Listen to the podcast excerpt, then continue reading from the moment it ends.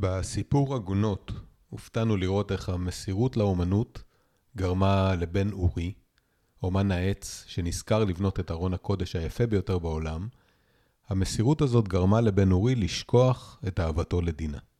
בעצם מרוקנת אותו לגמרי ברגע שהעבודה על הארון הושלמה. סוג כזה של אומנות טוטאלית נראה גם בסיפור שלנו היום, אגדת הסופר.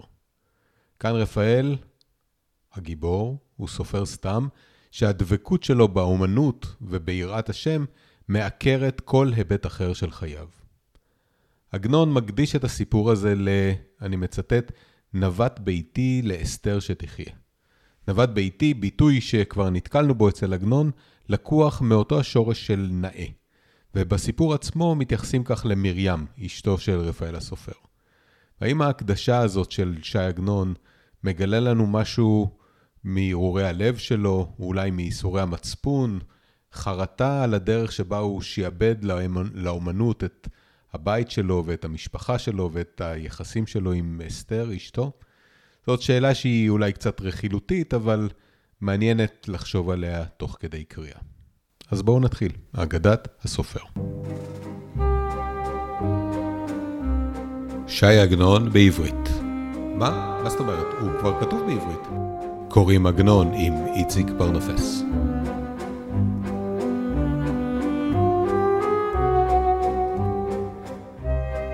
אגדת הסופר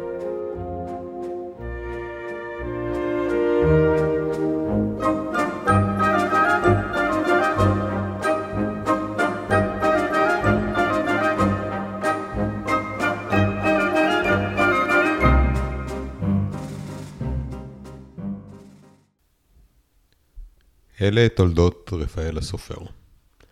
רפאל הסופר היה איש צדיק תמים, והיה כותב ספרים, תפילין ומזוזות, בקדושה ובטהרה, וכל בעל בית מישראל, שהיה עצור על בנים רחמנא ליצלן, או שמת עליו אשתו רחמנא ליצלן, היה בא אצל רפאל הסופר ואומר לו, הלא תדע לך רבי רפאל אחי, מה אנו ומה חיינו?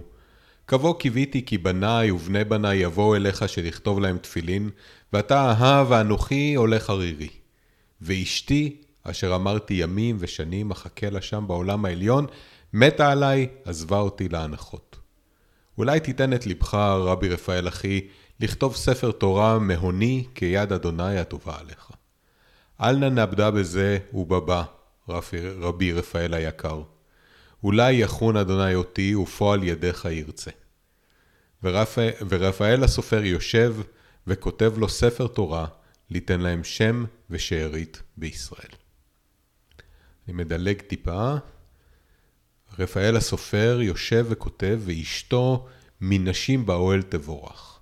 מרת מרים הצנועה יושבת בית ומרחיבה את דעתו בדירה נאה ובכלים נאים, שממרקת אותם ומנקה אותם ומטהרת אותם, כדי שיהיה רפאל אישה עושה את עבודתו בתור אוויר, בתוך אוויר זך וטהור, ומעדנת אותו במאכלים עדינים ובמשקאות ערבים.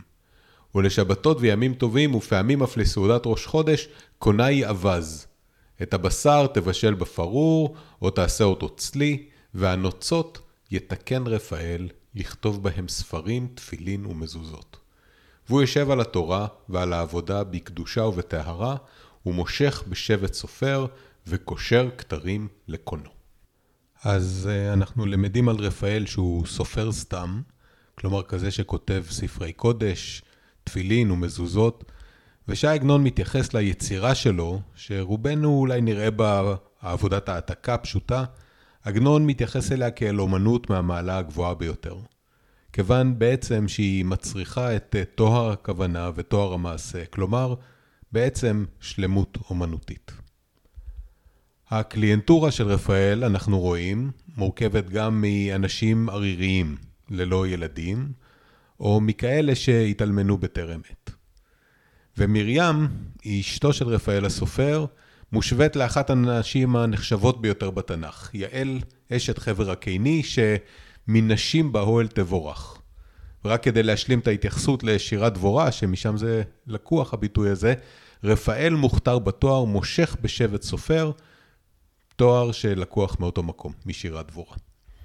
ורק לסיום, הביטוי קושר קשרים לקונו, שהפירוש שלו זה מהלל את קונו, כלומר מהלל את האלוהים, איכשהו הביטוי הזה מזכיר לנו גם את המנהג של סופרי סתם לקשור כתרים לאותיות. כלומר, לאתר את האותיות וליצור בעצם את הפונט הזה שכולנו מזהים היום בתור פונט תורני. פרק ב', הפרק הבא, מתאר בעצם כיצד נראית עבודת הקודש של רפאל. וקודם שנתחיל לספר מקצת המעשה, נספר דרך עבודתו בקודש. כך היה דרכו בקודש. חצות לילה היה קם, ויושב על הארץ ונותן אפר על ראשו, ובוכה על חורבן ירושלים ועל מיתת הצדיקים ועל שרפת המקדש ועל אריכות הגלות ועל גלות השכינה ועל קושי השיעבוד ועל כל מיני גזרות קשות אכזריות שגוזרים על ישראל חדשים לבקרים ועל משיח צדקנו שהוא נתון בשלשלאות של ברזל בעוון הדור. אחר כך הוא לומד הדור הבוקר אורח חיים, זוהר ותיקונים, הוא מקשר מידת לילה במידת יום ויורד לתוך מקווה טהרה וטובל גופו הקלוש במים, הוא מתפלל תפילת שחרית וחוזר לביתו וטועם פרוסה של עוגת דבש טבולה ביש המתוק, הוא מחזק קצת החומר החלוש באכילה קלה כלשהו, וחוזר וטובל, ומפנה ליבו מכל עובדין דחול.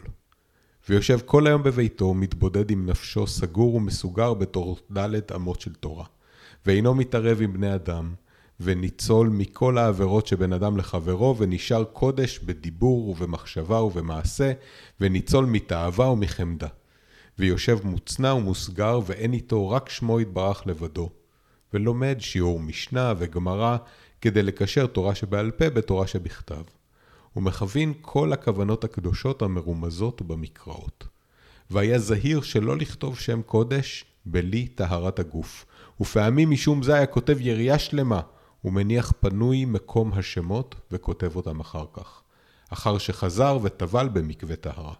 משל לאומן, שעושה כתר למלך, לא עושה תחילה את הכתר ואחר כך קובע בו אבנים טובות ומרגליות, וכך היה יושב וכותב, עד שהיה השמש בא ודופק על החלון וקורא, הגיע זמן תפילה של מנחה. עבודת הקודש הזו של רפאל, נראה שכל המטרה שלה היא להדחיק את הגוף, את מה שהוא קורא החומר הקלוש, ולבודד את הנפש ואת הרוח מהגוף. זאת אה, פרשנות קיצונית וממש לא מקובלת של היהדות, זאת אה, נזירות של ממש. ונזכיר שביהדות, להבדיל מהנצרות, הנזירות היא לא פרקטיקה מקובלת ואפילו היא אסורה במידה מסוימת. בהמשך הסיפור ישנו גם מדרש על אהרון הכהן שמוסר ההשכל שלו הוא שהדבקות האמיתית באלוהים היא היכולת להכיל את הקדושה ועם זאת גם להמשיך בחיי החולין. נראה שרפאל הסופר לא נמצא במקום כל כך טוב בהקשר הזה, אבל זה מוקדם בסיפור, אז אולי זו רק הפרשנות שלנו. בפרק ג' אנחנו נכיר את מרים, את אשתו של רפאל הסופר, ונראה גם תיאור מפורט מאוד של הבית שלהם, כולל מעשה רקמה מיוחד, מה שנקרא המזרח, קישוט מסורתי שפגשנו אותו כבר בפרק על אה, בדמי המאה, ושם הוא שיחק תפקיד קריטי במימוש אהבתם קודם של לאה, אחר כך גם של תרצה. וגם פה התפקיד של הקישוט הזה, של המזרח, יהיה חשוב מאוד גם כן. ודבר בעיתו מה טוב. הואיל וסיפרנו דרך עבודתו בקודש, נזכיר מקום עבודתו בקודש.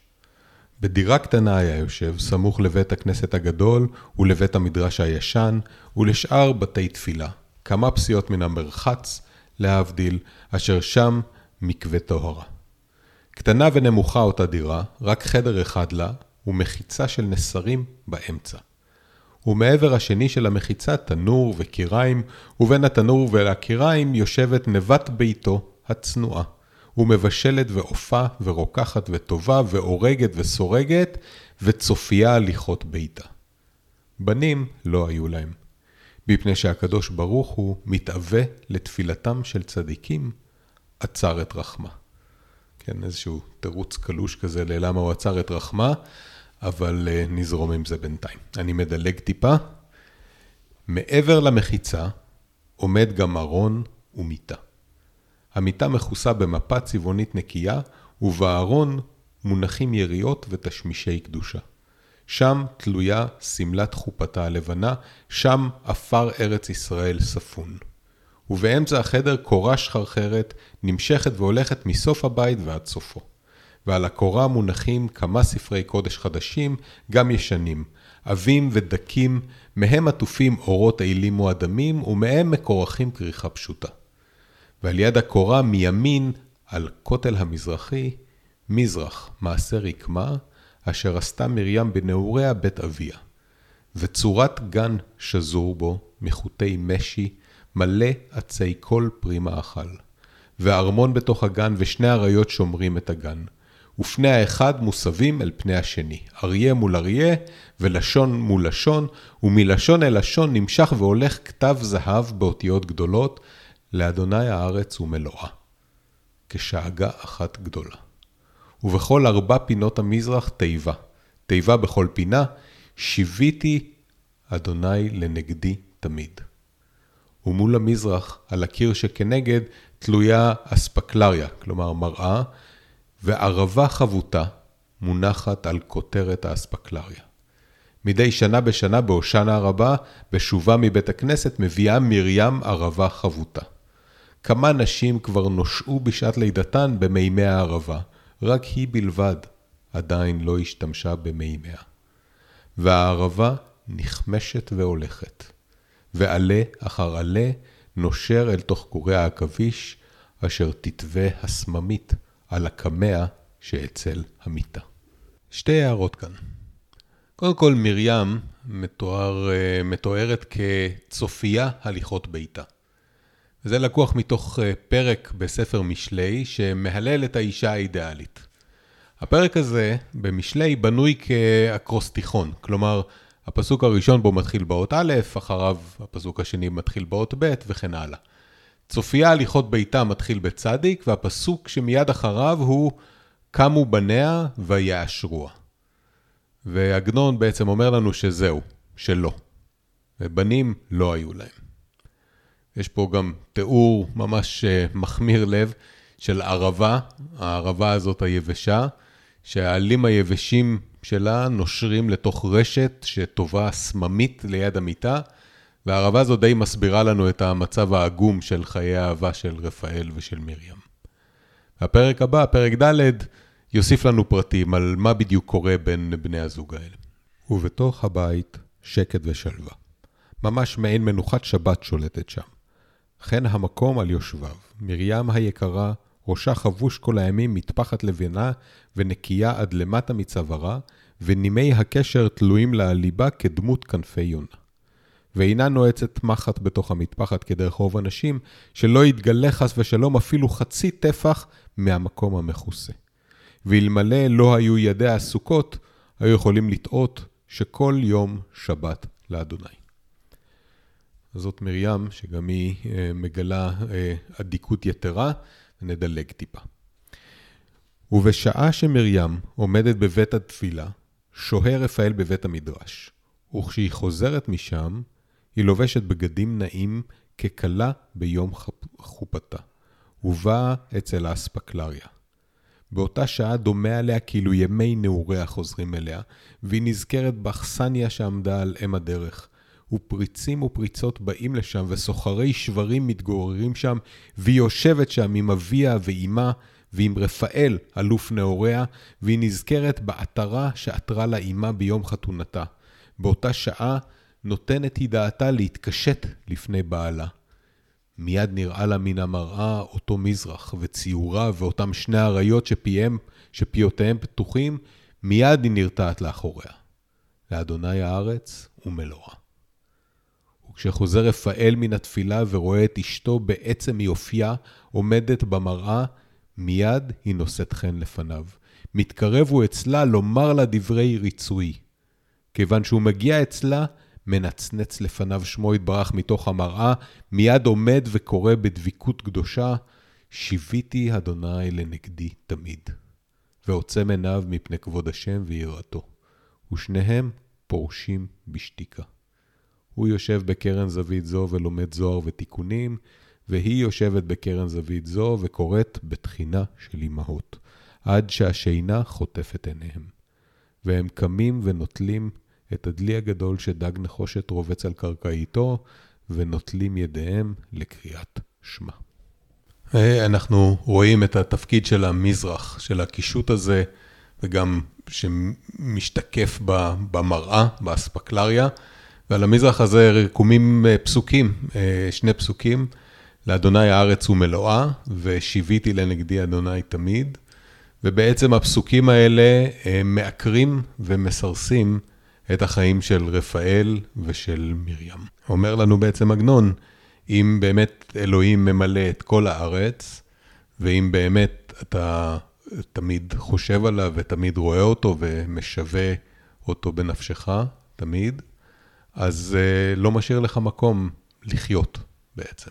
כשכלו כל הקיצין ולא היה בה עוד כוח לבכות על בנים, עמדה לפני בעלה בשברון לב ובהכנעה גדולה. אמר לה רפאל למרים, מה שאלתך מרים ומה בקשתך? השיבה מרים ואמרה, שאלתי ובקשתי, אם מצאתי חן בעיני אישי, ואם על אישי טוב, לתת את שאלתי ולעשות את בקשתי, יכתוב ספר תורה גם למעננו. באותה שעה נטל רבי רפאל את ראשה של מרים, ונתנו על ארכובותיו, ונתן עיניו על עיניה, ופניו על פניה, ופיו על פיה, ואמר לה, אל נא ביתי אלוקים, עוד לא כלה רחמיו מאיתנו. עוד ראו נראה זרע על פני האדמה. השקיעה מרים עפעפי עיניה ואמרה, לוואי שייכנסו דבריך מתוך פיך לתוך אוזניו של הקדוש ברוך הוא. ומכאן ואילך היו ידיה עסוקות להכין מעיל לספר תורה ושאר תשמישי קדושה, כי אישה שידיה עסוקות בכישורים ובמפות ובמטפחות לרך הנולד. לא לעולם חוסן, את אשר יאהב אדוני יוכיח. פעם אחת בשבת, קודם הצהריים, חזרה מרים מבית הכנסת והניחה את סידורה מידה, לא הספיקה להסיר את שמלתה העליונה מעליה ולהכין ליבה ונפשה להקביל פני בעלה בברכה, הוציאה הנחה מקרבה. קור וחום התחילו ממשמשים בה בערבוביה, פניה נהפכו לירקון ועצמותיה התחילו מתפקקות מחוליותיהן, וכל אורה ביקש למלט עצמו מגבה. הניחה עצמה על מיטתה ושכבה, וכאשר שכבה לא קמה, ומן המיטה לא ירדה. לא הייתה רשומה למעלה לחיים ארוכים, ובעודה באיבה נקטפה. ותמות מרים בדמי ימיה, ותעזוב את אישה להנחות, ותמות מרים בדמי ימיה, ולא הניחה אחריה לא בן ולא בת. ועכשיו אנחנו מבינים שהפסקה הראשונה ממש של הסיפור, פסקה שמתארת את הנסיבות שבהן מבקשים מרפאל כתיבה של ספר תורה, הפסקה הזו היא בעצם כולה רמז מטרים אחד גדול. אותן נסיבות ממש, שבהן מבקשים מרפאל כתיבה של ספר תורה, נסיבות של עצירות בנים או של התאלמנות מוקדמת, שניהן באו על רפאל עצמו. אנחנו מתקרבים עכשיו לסוף הסיפור. מרים נפטרה בדמי ימיה, ורפאל כותב ספר תורה לעילוי נשמתה. והוא כמעט מסיים את הספר, אבל הוא נתקע במה שאין דרך אחרת לתאר אותו, אלא כ-writer's block, כמחסום כתיבה. אנחנו נדלג בקריאה עד למקום שמשחרר אותו מהמחסום הזה. פעם אחת הראה שאותו חורף היה המרחץ שבאותה העיר שהיה רפאל דר, סגור ומסוגר מטעם הרשות שהיה נוטה ליפול. וכשהגיע רפאל לכתוב את השם, לא מצא מקווה טהורה. נטל גרזן, והלך אל הנהר אשר מחוץ לעיר, ושבר את הקרח. וירד וטבל ג' טבילות, ועלה וכתב את השם בנועם הדביקות הנפלאה. באותה שעה זכה רפאל הסופר להכיר את סוד השם. שקודם שבא אדם להידבק בנועם הדבקות, הרי עליו להיות בבחינת אדם שעומד במי קרח ביום השלג. מכאן ואילך היה יושב בחלישת כוחו בנועם הדממה, ומושך בידו הקלושה את הנוצה על גבי הירייה עד שסיים את ספרו. עצי חיים לגלילה ושאר תשמישי קדושה עשה בעצמו. משל למכניס אורחים שהיו אורחים מצויים תמיד בביתו, והיו כמה משרתים עומדים ומשרתישים אותם. פעם אחת עשה סעודה למלך. מי נאה למלך לשמשו, ובעל הבית בעצמו. זהו, רפאל ממש סיים כמעט, כמעט, כמעט לכתוב את הספר לעילוי נשמתה של מרים. וכאן אה, המקום אה, לספר על איזשהו מנהג יפה, שכשמסיימים לכתוב ספר תורה, רוצים לשתף את המצווה הזאת של כתיבת ספר תורה, מצווה שבעצם לא נופלת אה, כמעט בחיקו של אף אחד, אז רוצים לשתף את המצווה הזאת עם שאר חברי הקהילה. אז משאירים כמה אותיות אחרונות ממש בספר, וקוראים לאנשי הקהילה לכתוב את האותיות האחרונות האלה. זה מה שמתכוון עכשיו רפאל לעשות, אבל התוכנית הזאת פתאום משתנה. ועתה נספר על המנהג, מנהג ישראל תורה, בסיום ספר תורה. סופר שעומד לסיים את ספרו מניח כמה פסוקים בסוף, אותיות חלולות, כדי לזכות אדם מישראל שלא זכה לקיים, ועתה כתבו לכם את השירה הזאת, שיבוא וימלא אות בתורה. וכל מי שזוכה נוטל קולמוס וטובל ראש הקולמוס בדיו, ומעביר הקולמוס על האות, וממלא חללה של האות. הניח רפאל את הנוצה מידו, ושייר כמה פסוקים אותיות חלולות, ואמר, אלך ואקרא מניין יהודים שלא תהא התורה גלמודה, ושיהיו ישראל קדושים, רואים ושמחים בגמרה של תורה. עמד רפאל והלך אצל המראה להסתכל בה ולסדר את פאותיו ואת זקנו לכבוד התורה, ולכבוד הבאים לשמוח עמו. ואספקלריה מכוסה איתה בסדין, שמיום שמתה מרים עליה שלום, לא היה אדם שיסיר סימן האבלות. עמד רפאל וסילק את קצה הסדין, ונסתכל במראה וראה את פניו, ואת המזרח שכנגד, ואת הספר אשר כתב, ואת האותיות החלולות. באותה שעה נתעוררה נפשו. וחזר אצל השולחן, ונטל את הנוצה, ומילא את האותיות בספר אשר כתב לזכר נשמת אשתו, וכהתאימו את מעשהו, גלל את הספר, והגביההו למעלה בריקוד ובשמחה גדולה, והיה מפזז ומרקד ומשורר לכבוד התורה. פתאום עמד רפאל משתאה על אותו הניגון שניגן לכבוד סיום הספר, לפי שהכיר שכבר שמע את הניגון, אבל לא ידע היכן שמע, אבל ידע בבירור שכבר שמע אותו, ועכשיו אפילו סוגר את פיו, הניגון מנגן מאליו. היכן שמע את הניגון? אז פרק י' מסתיים בשאלה הזאת, היכן שמע את הניגון? התהייה של רפאל, היכן שמע את הניגון שהוא פתאום שומע באוזני רוחו. ופרק י"א, הפרק האחרון של היצירה, הוא פרק שגם עונה על השאלה היכן שמע את הניגון, והוא גם המפתח בעצם לכל היצירה. אה, לי זה תמיד מזכיר, מי שמכיר, מי שראה את הסרט Citizen אה, Kane, שנגמר באיזשהו קלוז-אפ על, אה, על מזחלת שלג שעולה באש, וכתוב על מזחלת השלג את המילה Rosebud, שהיא המפתח לאישיות של Citizen Kane. אותו דבר קורה פה. הפרק האחרון הזה, הוא נות, עונה לנו בעצם על uh, מה קרה כאן לרפאל, מה קרה למרים. ואיך איך הם הגיעו למקום העצוב שהם הגיעו. והפרק הזה מתחיל בתיאור של אה, הקפות בבית הכנסת, הקפות שקורות בערב שמחת תורה. זה קרה לפני די הרבה שנים, אז רפאל ומרים, שניהם היו צעירים מאוד. ובואו נשמע איך הולך הערב הזה. באותה שעה חזר החזן וקרא, כבוד הבחור המושלם כמר רפאל, מכבדים בכבוד התורה ולנגן ניגון יפה. באותה שעה קם רפאל והלך אצל ארון הקודש, ונטל ספר תורה מידו של החזן והלך בראש. והזקנים עומדים ומטפחים בידיהם ומרבים את השמחה. והתינוקות עומדים על גבי הספסלים וקוראים בקול צאן קדושים ומניפים בדגליהם על ראשיהם של הבחורים. וכיוון שפתח רפאל בניגון, דממו כל הידיים, והכל עמדו על מקומם ולא הוציאו מילה מפיהם.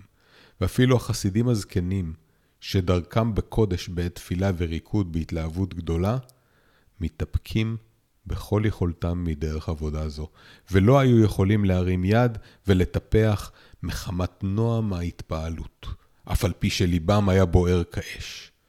הנשים הוציאו ראשיהם מבעד חלונות עזרת נשים לתוך בית המדרש, וראשיהן היו תלויים כקהל יונים על כותרת קיר. ורפאל אוחז את ספר התורה בזרועו והולך בראש, וכל הבחורים הולכים אחריו מסביב לבימה. באותה שעה נדחקה תינוקת אחת לבין רגליהם של המרקדים, וקפצה כלפי רפאל והשקיע שתי שפתיה האדומות בתוך המעיל הלבן של ספר התורה שבידו של רפאל, ונשקע את הספר בנשיקות פיה וגיפפתו בשתי ידיה. באותה שעה נשמט הדגל מתוך ידה, וצנח הנר על מעילו של רפאל. אחר החג תבע אביו של רפאל את אבי הנערה לדין על דבר אותה אצטלה של רפאל שנשרפה מחמת אותה התינוקת. והרב, שהיה משתאי בלישנא דחוכמתא, אמר אל אבי הנערה, אם ירצה השם, ליום חתונתם תעשה לו מלבוש חדש. מיד הביאו צלוחית יש וכתבו תנאים, ולחתנתם של רפאל ומרים תפרו לו מלבוש חדש. והרי כתבנו את עניין הניגון. אז זהו, זה מקור הניגון, זה הניגון שרפאל זימר באותו ערב שמחת תורה, שבו קרה הזיווג השמימי אולי, של רפאל ושל מרים. ובערב של שמחת תורה, היה שם בסצנה, היה בחור ובחורה, ואש ואהבה. ועכשיו אנחנו קופצים חזרה להווה. ועדיין רפאל מקיף את הבימה בשירים ערבים, וקולו נאה ועצב, ומשכך את החושים ומעורר את הנפש לעלות ולחול מחולת השכינה. אותו המחול בלא קול ובלא תנועה, ואפילו הפאות והזקן אינם נעים, אלא הציציות בלבד מנטפות על הברכיים. ודממה בבית, דממו הרגליים ושתקו הידיים, והבנות יוצאות מעזרת הנשים ויורדות לבית המדרש לראות במחול הבחורים, והבחורים מקיפים את הבימה והולכים, והבתולות פושטות ראשי אצבעותיהן כנגד ספרי התורה שבידיהם של הבחורים. החמה שקה, וזערורי האחרונים מנצנצים בתוך סדקי התריסים, ומקשטים באורם את שמלתה הלבנה של מרים. קם רפאל והלך לקראת מרים ושחה לפניה עם ספר התורה שבידו. את פניה לא יראה כי עטופה היא בשמלת חופתה. דומם עמד רפאל ותהה, מאין לשמלת חופתה? הן הוציא את השמלה מארון בגדיה כדי לעשות ממנה פרוכת. הלך רפאל אצל הארון לראות אם שמלתה תלויה שם, ובבואו לא זכר עוד על שום מה בא. עמד כנגד הארון והציץ לתוך חללו השחור. נצנץ פתאום לפניו צרור קטן של עפר ארץ ישראל. מן העפר הזה נתן רפאל על עיניה של מרים בקברה. נטל רפאל את צרור העפר בידיו וליבו רעד מאוד. ידיו נתמוטטו והעפר נשפך על קרקע הבית. ליבו נתרעש כאדם שעומד על אדמת קודש. המנורה דועכת, ורפאל מעוטף בטליתו וספר תורה בזרועו, והספר מעוטף בבגד של שיראים, ושמה של מרים אשתו של רפאל הסופר רקום בבגד, והבית מתמלא ספרי תורות הרבה, וזקנים הרבה מרקדים, וברוקדם אינם מרימים את רגליהם, ואינם כופפים את ברכיהם, אלא כאותם שאין להם קפיצים, והם מרקדים בלא תנועה, ומסבבים את גופותיהם. ומרים עומדת באמצע, ופניה מכוסים, והיא מרקדת בכתפיה, ושתי זרועותיה מזדקפות בחללו של החדר, והיא מתקרבת ובאה אצל ספרו של רפאל. את צעיפה הסירה ואת פניה כיסתה בידיה. פתאום צנחו ידיה למטה ונתגלו פניה, ושפתותיה נתלכדו במעיל של ספר התורה שבידיו של רפאל. הקדוש ברוך הוא פשט טליתו של אורה, והעולם עומד בתפילת לחש של ערבית. העששית דעכה והתפילה שקעה בתוך השמן. פתאום קפצה לשון של אש והאירה את החדר, ואורה גילמה את פניו של רפאל הסופר, שצנח עם ספרו, ושמלת חופתה של אשתו פרוסה עליו ועל ספרו. וכאן בהווה יש לנו שוב בחור ובחורה, ואש ואהבה, אבל כאן הבחורה כבר מתה, היא אולי רוח רפאים, או שאולי היא בכלל בדמיונו של רפאל. הזקנים המקפצים שם הם ברוחות רפאים, והשורה האחרונה היא רפאל צונח, ושמלת חופתה של אשתו פרוסה עליו ועל ספרו. יש המון המון המון פרשנויות והסברים על סצנת הסיום הזאת. אה, למשל, היא דוגמה, היא דוגמה של ז'אנר של יצירות שקרוי מצרפתית בשם Danse Macabre, או ריקוד המוות. והז'אנר הזה מיוצג בהמון, אה, בהמון יצירות שונות, למשל יש יצירה של המלחין הצרפתי סן-סאנס שנקרא Danse Macabre, ויש אה, בסרט של אינגמר ברגמן, הסרט החותם השביעי, סצנת הסיום היא ריקוד של ריקוד עם המוות. יש אלבום כזה של מטאל של איירון מיידן, יש את סצנת הסיום של הדיבוק שנכתב ביידיש.